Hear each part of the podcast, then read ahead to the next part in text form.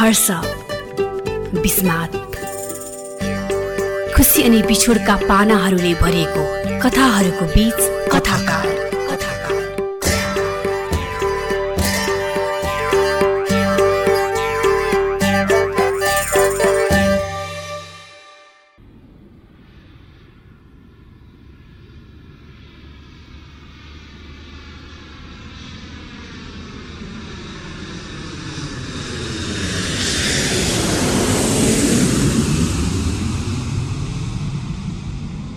प्लेनको चक्काले नेपाली माटोमा टेक्ने बित्तिकै म भित्र बेग्लै ऊर्जा आयो।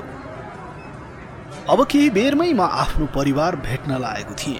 मलाई हतार थियो। लगेज लिन सबैभन्दा धेरै हतार सायद त्यो भिडमा मलाई नै थियो. एयरपोर्टको भिडभाड चिरेर लगेज डोर्याउँदै म बाहिर आएँ। अलि परको वेटिङ लाइनमा भिडको बिचमा उभिनु भएको मेरो बुवालाई चिन्न मलाई गाह्रो भएन।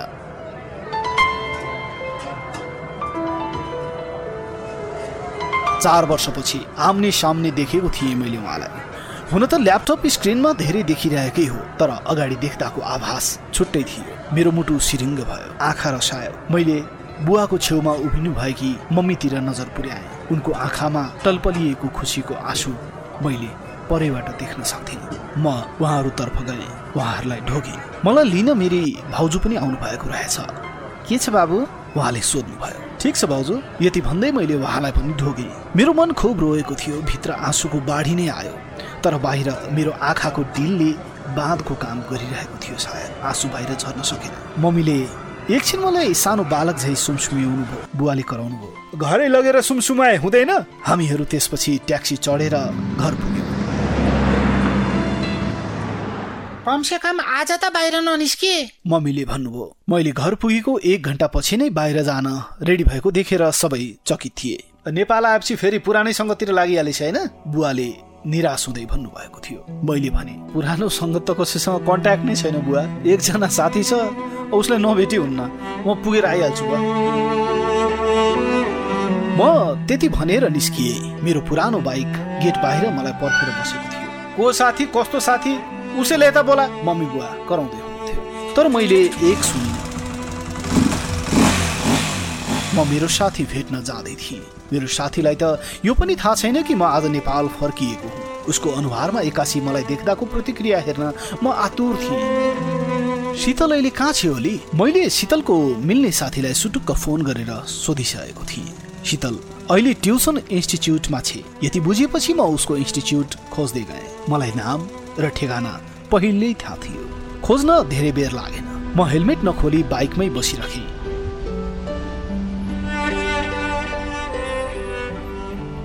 उसको इन्स्टिच्युटको गेटबाट केही पलपछि ऊ निस्की रातो कुर्ता सुरुवालमा त्यतिखेर मैले आफ्नो प्रेमिकालाई देखिन। मलाई त लाग्यो ऊ मेरी श्रीमती नै हो।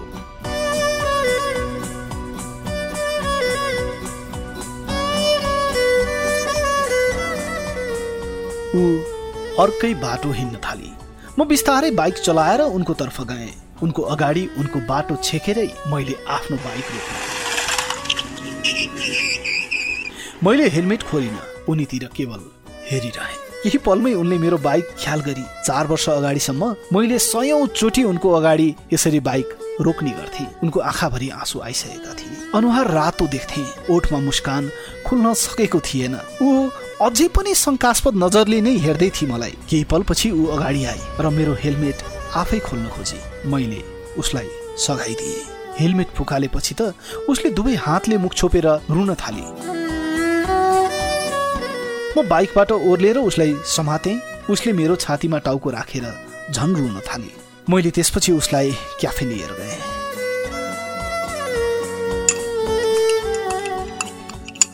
मलाई किन झुटो बोल्या? तिन महिना अझ बाँकी छ भने होइन? उसले सोधी। झुटो नबोल्या भए आज तिमी रुन्थ्यौ र? तिमीलाई मलाई रुवाउनु मन लाग्छ हो उसले सोधी। हो नि बदला लिनु परेन। तिमीले जमानामा मलाई रुवाएको बिर्सियौ मैले भने। उसले नाखुम्च्याई खासमा हामी दुईको दुईतर्फी प्रेम भएपछिको यो हाम्रो पहिलो औपचारिक भेटघाट थियो।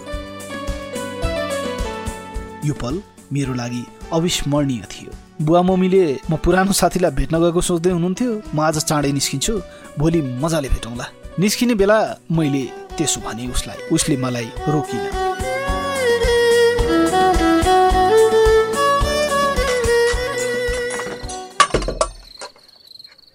बेलुका। धेरै वर्षपछि घरको खाना खाँदै थिएँ म।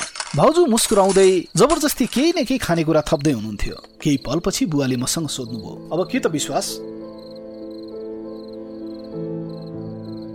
बुवाले मलाई त्यो प्रश्न कहिले सोध्नुहुन्छ जस्तो मलाई लागिरहेको थियो। मैले चार वर्ष अस्ट्रेलिया बस्दा बुवाको यही प्रश्नको उत्तर दिन सङ्घर्ष गरिरहेको थिएँ। चार वर्ष। अस्ट्रेलियाको नाम कहलिएको म्युजिक इन्स्टिच्युटमा सङ्गीत पढेपछि मेरो उत्तर पुरा भएको थियो। मसँग उत्तर थियो। मैले आफैमा गर्व महसुस गर्दै बुवालाई भने अब धुन बुवा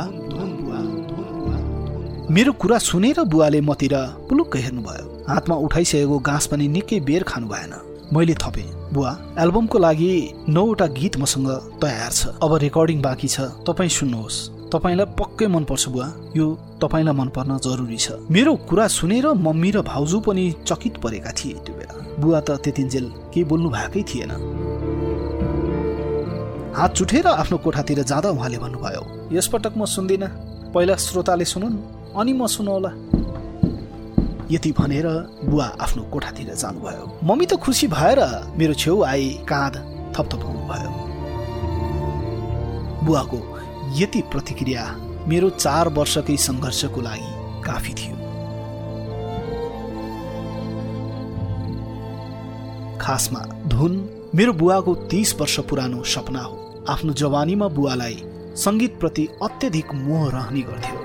भजन मण्डलीमा तबला वादक भएर वर्षौँ काम गरेपछि बुवाले एक दिन आफ्नै एल्बम निकाल्ने सोच बनाउनु भयो।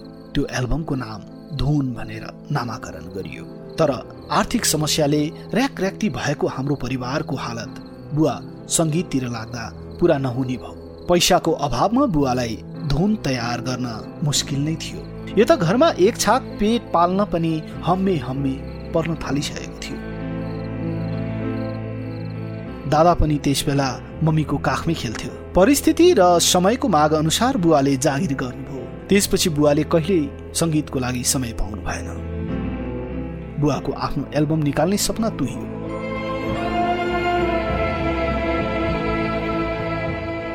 तर बुवाले हार भनी खानु भएको रहेनछ। दादा ठुलो भएपछि बुवाले दादालाई सङ्गीत पढाउनु भयो अनि दादालाई नै आफ्नो स्वयंको एल्बम निकाल्न भन्नुभयो र त्यसको नामाकरण पनि आफैले गरिदिनु भयो। धुन बुवाको सपनालाई उसले आफ्नो सपना बनायो। मेरो मम्मीले आफ्नो कोखबाट राम र रावणलाई जन्म दिनुभएको थियो। दादा राम थियो र म दुनियाँको परिवारको मतलबै नगर्ने गलत स्वभावको रावण झै थिए। म गलत सङ्गतमा थिएँ। सङ्गतमा मात्र होइन।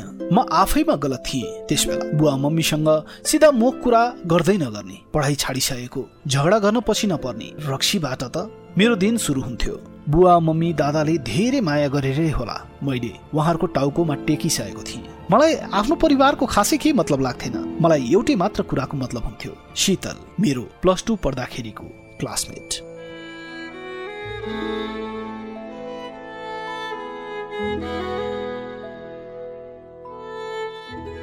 मैले उसलाई आफ्नो ज्यानभन्दा पनि बढी माया गर्थेँ। तर त्यतिखेर उसले म जस्तो केटासँग के प्रेम गर्थे म घृणाकै लायक थिएँ घृणा नै पाउँथे। ऊ मलाई मन खोलेर घृणा गर्थे। मेरो व्यवहार नै अजीब हुन्थ्यो। सधैँ आफ्नो बाइकले उसको बाटो छेक्ने काम उसलाई आफूसँग प्रेम गर्न किचकिच गर्ने कसैले उसँग बोलेको देख्दा म त्यो मान्छेसँग झगडा गर्न तम्सिन्थे। मलाई कसैले रोक्न सक्दैनथ्यो शीतल नै बिचमा आएर रोक्नु पर्थ्यो।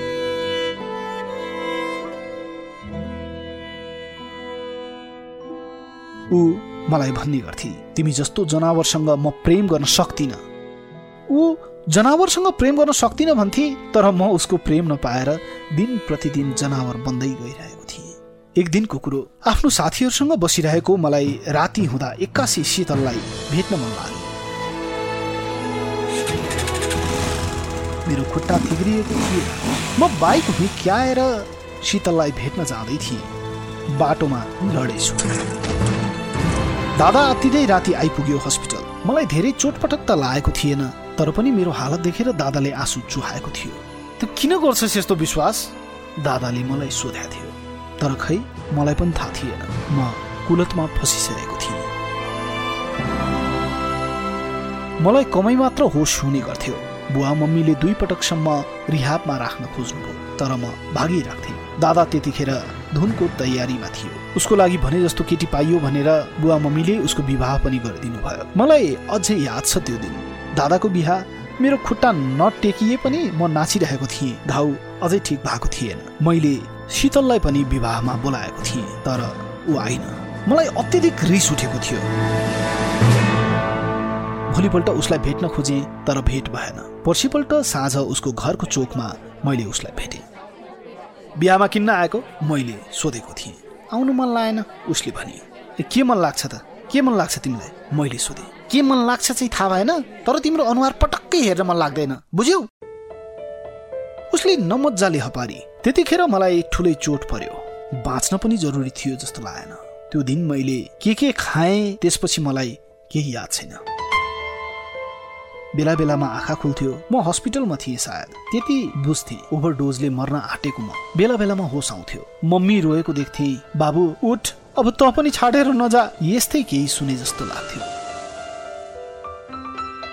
डक्टरहरूले मलाई बचाए।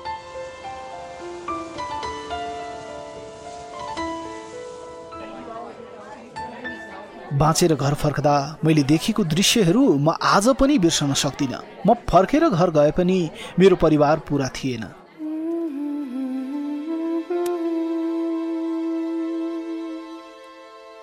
दादाको चार दिन अघि बाइक एक्सिडेन्ट भएछ। ऊ बाँकी रहेनछ अब।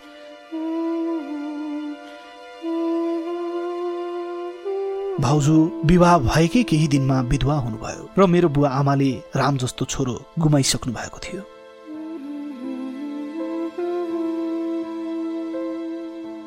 दाईलाई आर्यघाटमा दागबत्ती दिँदा समेत म नसामा रहेछु हस्पिटलको वार्डमा संसारको लागि उदाहरण बनिसकेको रहेछु। घरको माहौल तनावग्रस्त थियो। म झ्यालबाट बाहिर हेरेर बसिरहन्थेँ त्यस बेला कहिलेकाहीँ छिमेकीहरू बोलेको सुनिन्थ्यो स्टुडियो जाँदै थियो रे बाइकमा ट्रकले हानेछ। ट्रक ड्राइभरले नसा गरेको थियो रे बिचरा बुढाबुढी। जेठो नै लग्यो भगवान्। त्यो मोरा कान्छो त्यो मोरा कान्छो गएको भए पनि त हुन्थ्यो नि।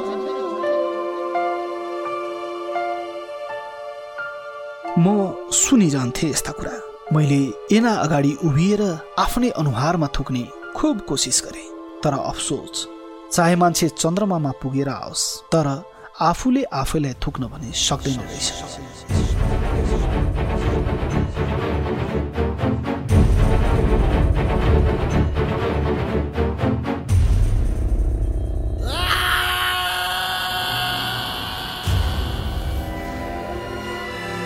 मैले बाहिर निस्किन छाडिदिएँ त्यसपछि। बुवा मम्मीसँग नजर उठाएर हेर्न सक्थिनँ। भाउजूको नजिक कसरी नपरौँ भनेर सोचिरहन्थेँ प्राय म टाढै बस्थेँ। करिब तिन महिनापछि एक दिन घरमा केही मानिसहरू आए।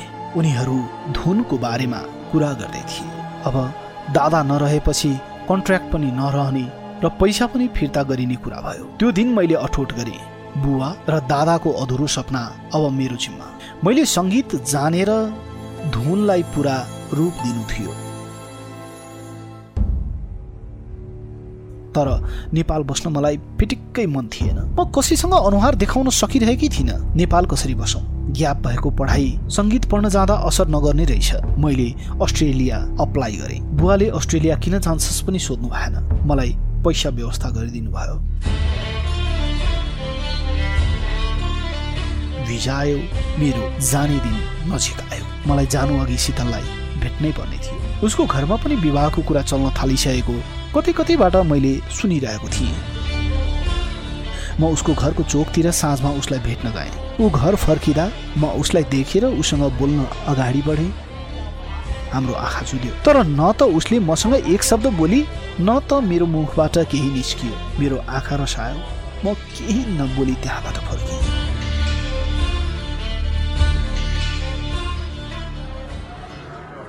एयरपोर्टमा बुवा मम्मीसँग बिदा लिएर म भित्र छिरेँ। भित्र सिक्युरिटी चेक सकाएर बसेको थिएँ। अचानक नसोचेको कुरो हो शीतलको फोन आयो। भित्र छिरिसकेको हो र उसले सोधी किन मैले सोधेँ? म एयरपोर्ट आएको थिएँ तिमीलाई भेट्न। उसले भनी त्यति सुन्ने बित्तिकै म हतारिँदै बाहिर कुदेँ। गार्डले बाटो छेक्दै थियो तर म ठेलेर बाहिर निस्किएँ त्यतिखेर शीतललाई त्यहाँ देख्दा महिनौदेखि जलिरहेको मनमा त्यसै त्यसै शीतलता छायो। राम्रोसँग जाऊ है। उसले आफ्नो हातमा ल्याएको गिफ्ट मलाई दिँदै भने उसले थपे आइम सरी सबै थाहा पाएर तिमीसँग भेट्न आउने आँटै भएन। तर यो केही महिनामै मैले तिमीलाई धेरै मिस गरेँ। म रुन मात्र सकिरहेको थिइनँ उसको कुरा सुनेर। बाहिर बुवा मम्मी गइसक्नु भएको रहेछ। कति समयमा फर्कन्छौ? चार वर्ष मैले भने। पछाडिबाट गार्ड आएर कराउन थाल्यो। ए भाइ तिमी कहाँ यसरी बाहिर आएको? गार्डको कुरा सुनेपछि उसले मलाई बाई गरी मैले सोधेँ म आउन्जेलसम्म त तिम्रो बिहा भइसक्ने होला। उसले केही बोलिन। गार्डले मलाई तान्यो म भित्रतिर बढेँ पछाडिबाट उसको आवाज आयो। विश्वास। म पछाडि फर्किएँ उसको आँखा रसाएको देख्थेँ म। म तिमीलाई पर्खिन्छु। उसले भने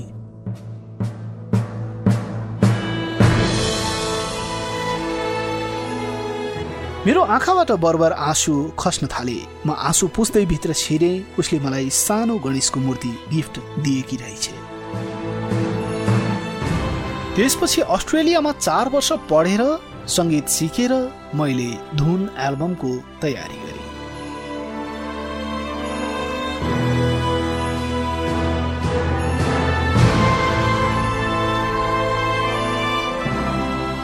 आज शीतल र म अहिले देशकै नाम चलेको म्युजिक कम्पनीमा गएका थियौँ। धुन यो नाम अलि आउटडेटेड भएन। अहिलेको जमानामा यो नामले श्रोतालाई प्रभाव पार्छ र कम्पनीको मार्केटिङ हेडले मलाई यसो भन्थ्यो। मलाई उसको कुरा चित्त बुझेन। मैले उसलाई भने धुन एउटा सपना हो सर। सपनाहरू कहिले आउटडेटेड हुँदैनन्। तपाईँ मार्केटिङको तयारी गर्नुहोस् कन्ट्र्याक्ट बनाउनुहोस् भएको लस बरु मै बेहोर्छु। मेरो कुरा सुनेपछि उसले भन्यो होइन होइन। लस त हुँदैन सर।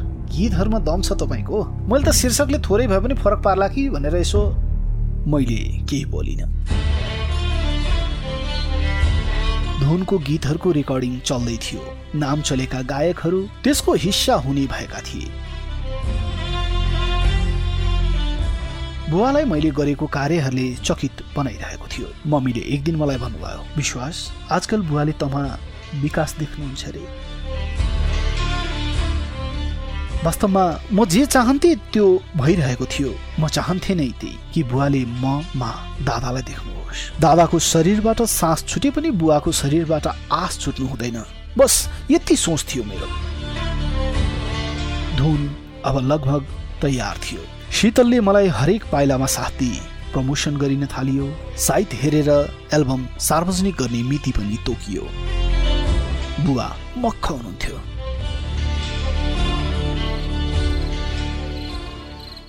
एक दिन बेलुका आफ्नो कोठामा बसेर थोरै काम सकाउँदै थिएँ। बुवा कोठाभित्र छिर्नुभयो सुतेको छैनस्? बुवाले भन्नुभयो। अब सुत्छु बुवा बस्नु न।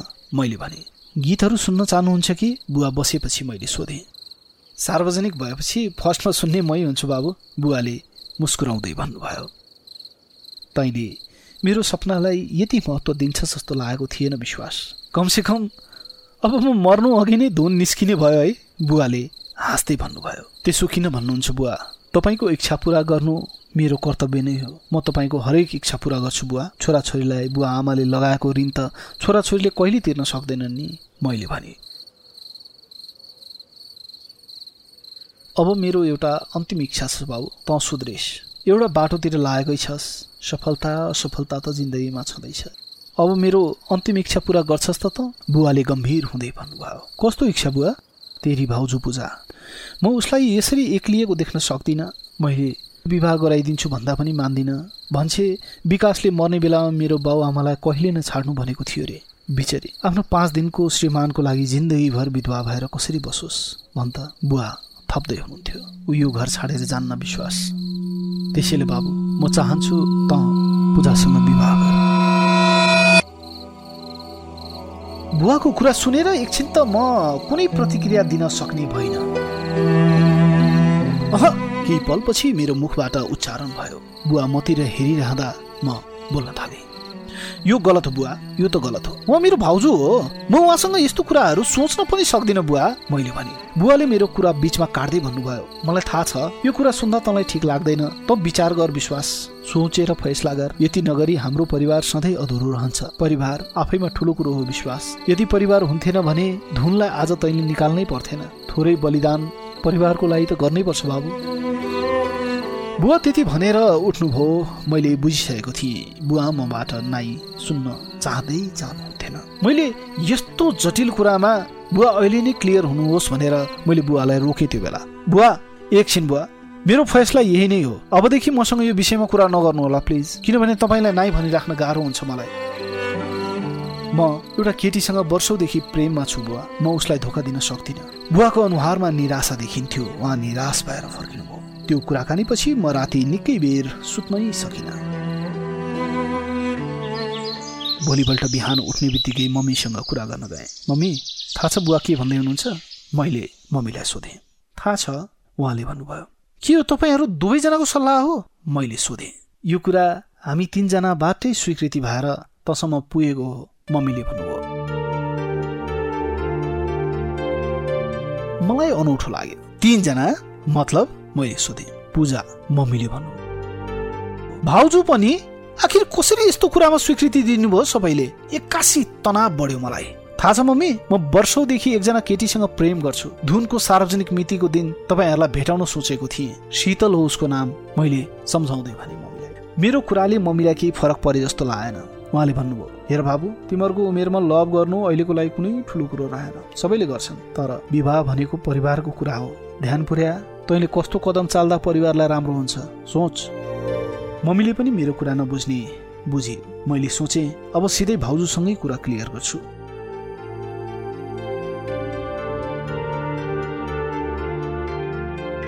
भाउजूलाई छतमा लुगा सुकाउन गएको देखेर म छततर्फ भाउजू मैले भने उहाँले मतिर हेर्नुभयो। भाउजू मतिर हेर्दा मुस्कुराउँदै हुनुहुन्थ्यो। बल्ल मैले बुझेँ। आखिर किन म नजिक हुँदा भाउजू मुस्कुराउँदै लजाउनु हुँदो रहेछ? भाउजू तपाईँको मनमा के छ मलाई थाहा छैन तर घरमा अहिले जे कुरा भइरहेको छ त्यो हुँदै हुँदैन। प्लिज त्यस्तो सोच सक्दो चाँडो आफ्नो मनबाट हटाइदिनु होला। मैले त्यति भनिसकेपछि भाउजूको पनि अनुहारमा निराशा छर्लङ्ग थियो।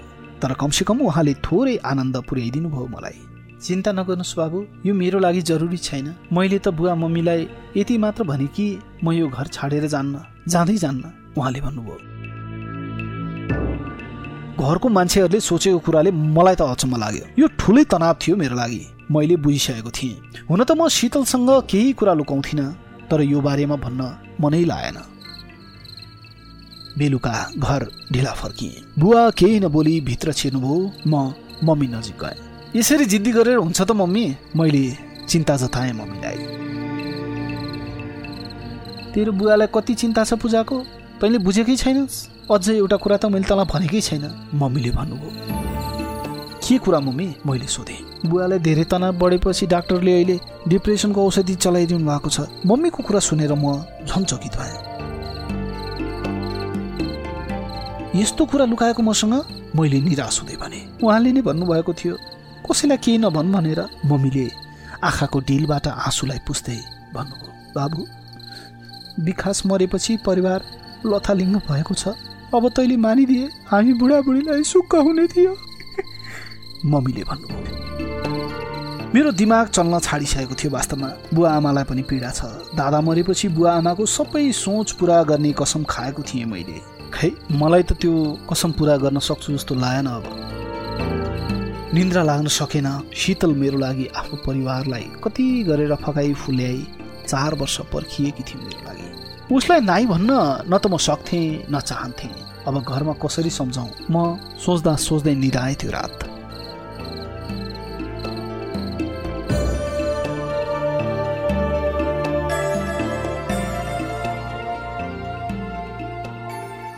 भोलिपल्ट स्टुडियोतिर नै थिएँ। शीतलको फोन आयो। कहाँ हो तिमी? उसले सोधे। स्टुडियोमा छु शीतल। मैले उत्तर दिएँ। मलाई भेट्न सक्छौ अहिले? उसले भने किन? केही जरुरी थियो कि? मैले सोधेँ। एकदम जरुरी। उसले भने मलाई कुरा ठिक लागेन। म उसलाई भेट्न निस्किएँ। सधैँ भेट्ने क्याफेमा ऊ पर्खिरहेकै थिए मलाई। के भयो? मैले सोधेँ। केही पल मौन भएपछि उसले भने तिम्रो बुवा भेट्न आउनुभएको थियो मलाई। उसले सबै कुरा सुनाए।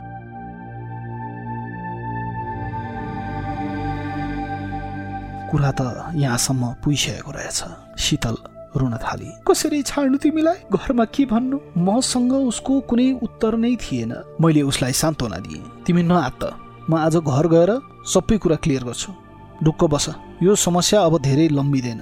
घरमा यो कुरालाई जरैदेखि उखेलेर फाल्ने सोचमा म घर पुगेँ। सबैलाई एकै ठाउँमा बोलाएँ मैले। त्यसपछि कुरा सरर भनिदिएँ। एकछिन कोही बोलेनन्। केही पलपछि बुवाले भन्नुभयो आज तेरो ठाउँमा विकास भएको भए त्यसले हाम्रो कुरा बुझ्थ्यो। बुझिस विश्वास? मलाई बुवाको कुरा चित्त बुझेन। मैले भने बुवा म विकास जति असल नथिएँ नहुन्छु। तपाईँको नजरमा असल बन्ने सोच छ तर परिस्थितिले यो पटक मलाई साथ दिँदैन बुवा। मैले भने बुवा थोरै जङ्गिनु भयो। मैले तँबाट आश गर्नु नै बेकार थियो।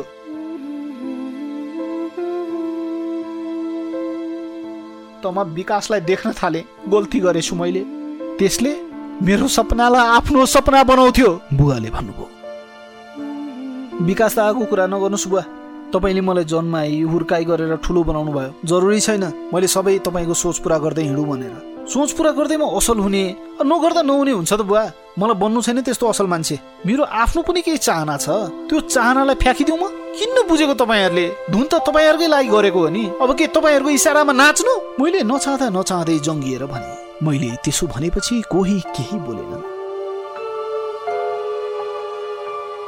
म आफ्नो कोठामा गएँ। बिहानै उठेर घरबाट निस्किएँ।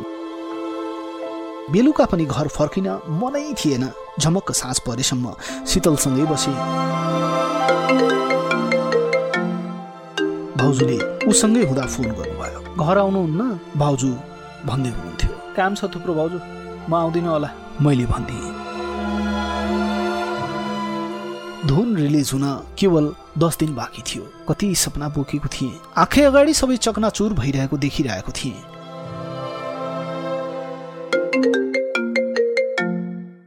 एक दिन दिउँसो भाउजूले आत्तिदै फोन गर्नुभयो। बुवा बुवा त बिहानदेखि गायब हुनुहुन्छ मोबाइल पनि घरमै छ। केही भनेर निस्किनु भएन भाउजू मैले सोधेँ। अँ सबैतिर फोन गरेको कसैकोमा हुनुहुन्न? लो बुवा कहाँ जानुभयो त? म बाइकमा घर पुगेँ मम्मी भाउजू आत्तिएका थिए उनीहरूलाई सम्झाएँ। उल्टै मम्मीले कराउनु भयो मलाई। तँबाट आश थियो बुवालाई। तैँले तनाव दिइस्। म केही बुझ्न सकिरहेको थिइनँ। आखिर कहाँ जानुभयो बुवा? बाटो हेऱ्यौँ साँझसम्म बुवा आइपुग्नु भएन। आफन्तकोमा पनि हुनुहुन्न थियो। मैले ढिलो गरिनँ। चौकी गएर रिपोर्ट लेखाएँ। हुलिया फोटो सबै बुझाएँ। प्रहरीलाई अलि धेरै किचकिच गरेछु क्यारे मलाई गाली गरेर पठायो। शीतल चौकी आएर मलाई भेटी। म तनावमा भएको देखेर उसले भन्न थाली यो सबै मैले गर्दा भएको विश्वास? तिमी आफ्नो बुवा आमाले भने जस्तो गर। अङ्कल भेटिनुहुन्छ। अब उहाँको चित्त नदुखाऊ यति भनेर ऊ गई। मैले उसलाई रोक्न पनि सकिनँ। घर पुग्यौँ। त्यो रात हामी सुतेनौँ। बुवा कहाँ जानुभयो केही गलत त भएन। यही चिन्ताले सताइरहन्थ्यो। मम्मी भाउजू रातभर रोइरहे। बिहान यत्तिकै भयो। तनाव झन् बढिरहेको थियो। के थाहा भयो कि सर? मैले बिहानै पुलिसलाई फोन गरेर सोधेँ। केही छैन भाइ पुलिसले भन्यो। यतिकै घरमा बस्न मन लागेन मलाई। बुवालाई खोज्न निस्किनु नै उचित हुन्थ्यो। म बाइकमा ठाउँ ठाउँ पुगेँ।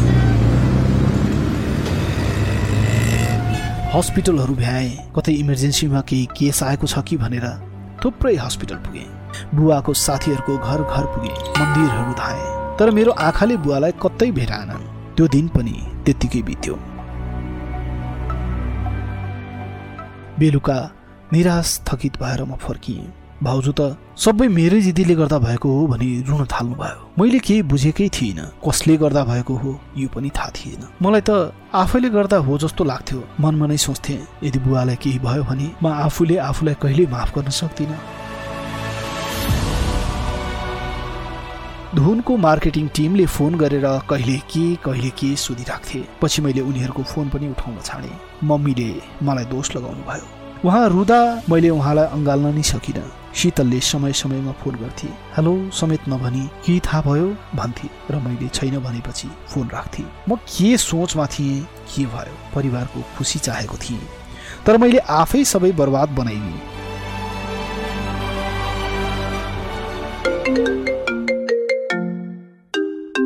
एक दिन साँझतिर अचानक प्रहरीको फोन आयो। हेलो विश्वासजी आज एकजना वृद्धलाई मृत अवस्थामा भेटिएछ है। शनाखत भएको छैन। एकपल्ट शनाखतको लागि आउनुहुन्छ कि? उताबाट यस्तो कुरा आयो।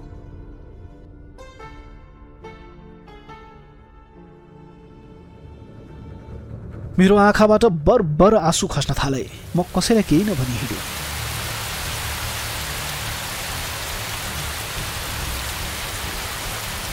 बाहिर पानी परिरहेको थियो। म रुच्दै थिएँ।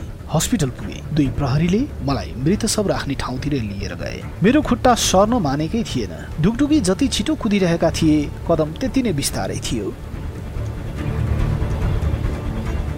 म पुगेँ। एउटा मान्छेले हातमा पन्जा लगाएर शवलाई बाहिर निकाल्यो। सेतो कपडाले छोपिएको। मैले टाउकोतिरबाट कपडा सार्दै हेर्नुपर्ने थियो।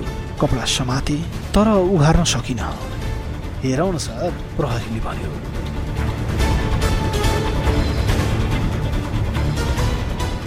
बिस्तारै उघारे।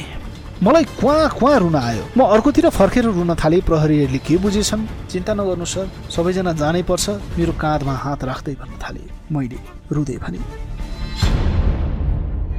होइन सर। उहाँ मेरो बुवा होइन। ए होइन पो।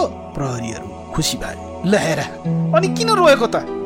उनीहरू हल्का हाँस्न थाले। म आँसु पुस्दै घरतिर लागेँ। भोलिपल्ट धुन रिलिज थियो। भव्य कार्यक्रम थियो। थुप्रै पत्रकारहरूलाई बोलाइएको थियो। आयोजकहरूलाई धोका दिन मन लागेन। म गएँ। भित्र छिर्दा शीतल मलाई पर्खिएर बसेकी रहेछ म उसलाई देखेर अत्यन्त खुसी भएँ। उसको नजिक गएँ। उसले भने तिम्रो लागि यो ठुलो दिन हो कसैलाई त आउनु नै पर्थ्यो। मलाई खुसी लाग्यो।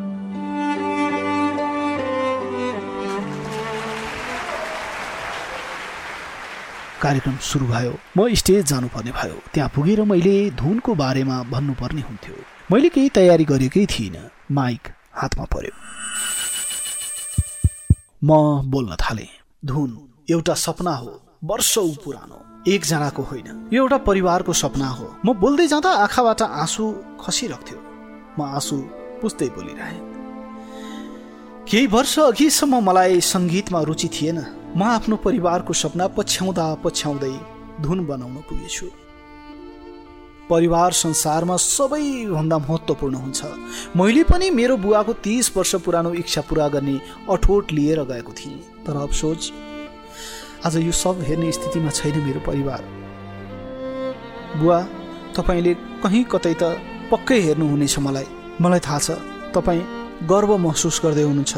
किनभने कुनै पनि मानिसको सफलतामा उसको बुवाको जतिको खुसी सायदै कोही हुनसक्छ। बुवा म तपाईँको सक्ने जति सबै इच्छा पुरा गर्छु तर यो पनि जरुरी छैन कि कोही छोराछोरीले बाबुआमाले भनेकै गर्नुपर्छ। बुवा आमाको सबै सपनालाई आफ्नै मान्नुपर्छ। त्यो त गलत हो बुवा। प्लिज फर्केर आउनुहोस्। मलाई तपाईँको एकदमै माया लाग्छ बुवा। आई लभ यु बुवा। आई लभ यु म रुन थालेँ। शीतल पनि रोएको देख्थेँ। म स्टेजबाट झरेपछि उसले मलाई अँगालो लाग्यो पत्रकारहरूमा गाई गुई चल्न थाल्यो। कसैले केही नबुझेको पक्का थियो।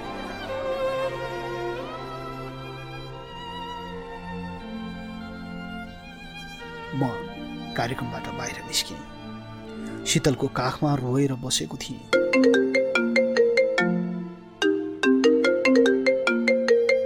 केही बेरपछि एउटा फोन आयो। हेलो मैले आँसु पुस्दै भने। अँ विश्वास सर भेटिनु भयो है उहाँ? प्रहरीले भन्यो। कहाँ हुनुहुन्छ? ठिक हुनुहुन्छ उहाँ? मैले सोधेँ। अँ सकुशल हुनुहुन्छ विश्वास। ल आऊ बरु प्रहरीले मलाई भेट्ने ठेगाना दियो। मैले घरमा खबर गरिदिएँ मम्मी र भाउजू त्यही ठेगानामा ट्याक्सीमा आउने भए। म र शीतल बाइकमा गयौँ। कुनै सुनसान ठाउँ जङ्गलभित्र भित्रको बाटो थियो। केही समयको यात्रापछि म एउटा आश्रममा पुगेँ। प्रहरीले हामीलाई भित्र लग्यो। बुवा थुप्रै मानिसहरूको बिचमा ध्यान गर्दै हुनुहुँदो रहेछ। विपासना गर्न थाल्नु भएको छ बुढा। प्रहरीले भने बुवा पलिटी कसेर आँखा चिम्लेर ध्यान गर्दै हुनुहुन्थ्यो। यहाँ आउलान् भनेर त कसैले सोच्नै सक्दैन थियो धन्न पत्ता लगायो हामीले भाइ मम्मी र भाउजू नै आइपुग्नुभयो। सबै बुवालाई सकुशल देखेर रुन थाले। मलाई भने किन हो? हाँस्न मन लागिरहेको थियो। हामी सबै निकै बेर पर बसेर बुवालाई ध्यान गरिरहेको हेरिबस्यौँ बिचमा बुवाको ब्रेक भयो। प्रहरीले बुवालाई हामी भएतिर बोलाएर ल्याइदियो। हामीतिर नबोली किन यता आएको भन्ने इसारा गर्नुभयो? हामी हाँस्यौँ मात्र केही भनेनौँ। बुवा दस दिने विपासना ध्यानमा आउनु भएको रहेछ। भोलिपल्ट बिहान सकिने रहेछ। हामी मनमा सन्तोक मानेर त्यो दिन फर्क्यौँ घर। त्यो दिन मम्मी र शीतलको भेट भयो। शीतलको आँखाबाट आँसु खसिरहेको थियो। मम्मीले पुछिदिनु भयो त्यो देखेर म भित्रभित्रै गदगद थिएँ। भोलिपल्ट बिहान हामी सबैजना फेरि आश्रम पुग्यौँ। बुवा विपासना सकाएर आउनुभयो। किन तिमीहरू यहाँ? उहाँले सोध्नुभयो। मम्मीले खुब गाली गरिराख्नुभयो। बुवाले त टाउकोमा हात लाएर ए मैले भन्न पो बिर्सेको थिएँ। ले अलि तनाव थियो बिर्सिएछु। भाउजूले सोध्नुभयो किन आउनुभएको यहाँ बुवा? तनाव बढेर दिमाग खालि उत्पट्याङ मात्र सोध्थ्यो। विश्वासले मेरो सपना पुरा गर्न त्यत्रो मेहनत गर्दा गर्दै पनि मलाई उसँग खै किन रिस उठा उठे थियो? त्यो कुरा चित्त बुझिरहेको थिएन। अनि अलि आनन्द हुन्छ कि भनेर यता आएँ। त्यो सुनेपछि भाउजूले भन्नुभयो मेरो जिद्दीले यस्तो तनाव भयो है हजुरलाई अब म जिद्दी गर्दिनँ बुवा। अब तपाईँहरूलाई धेरै दुःख दिन्न। त्यसपछि बुवा शीतल भएतिर जानुभयो। माफ गरिदेऊ है नानी शीतलले केही बोलिन। मैले बुवासँग बोलेकै थिइनँ। डर लागेको थियो। उहाँले फेरि केही भन्नुभयो भने मेरो चित्त दुख्छ। तर बुवा आफै म भएतिर आउनुभयो। अनि धुन कहाँ पुग्यो त? म मुस्कुराएँ। धुन बजारमा पुगिसक्यो बुवा। श्रोताहरूबाट राम्रो प्रतिक्रिया आइसक्यो। तर पनि एकजना विशेष मान्छेको चाहिँ प्रतिक्रिया कुरिरहेको छ धुनले जाउँ बुवा मैले बुवाको हात समातेर घरतर्फ लागेँ।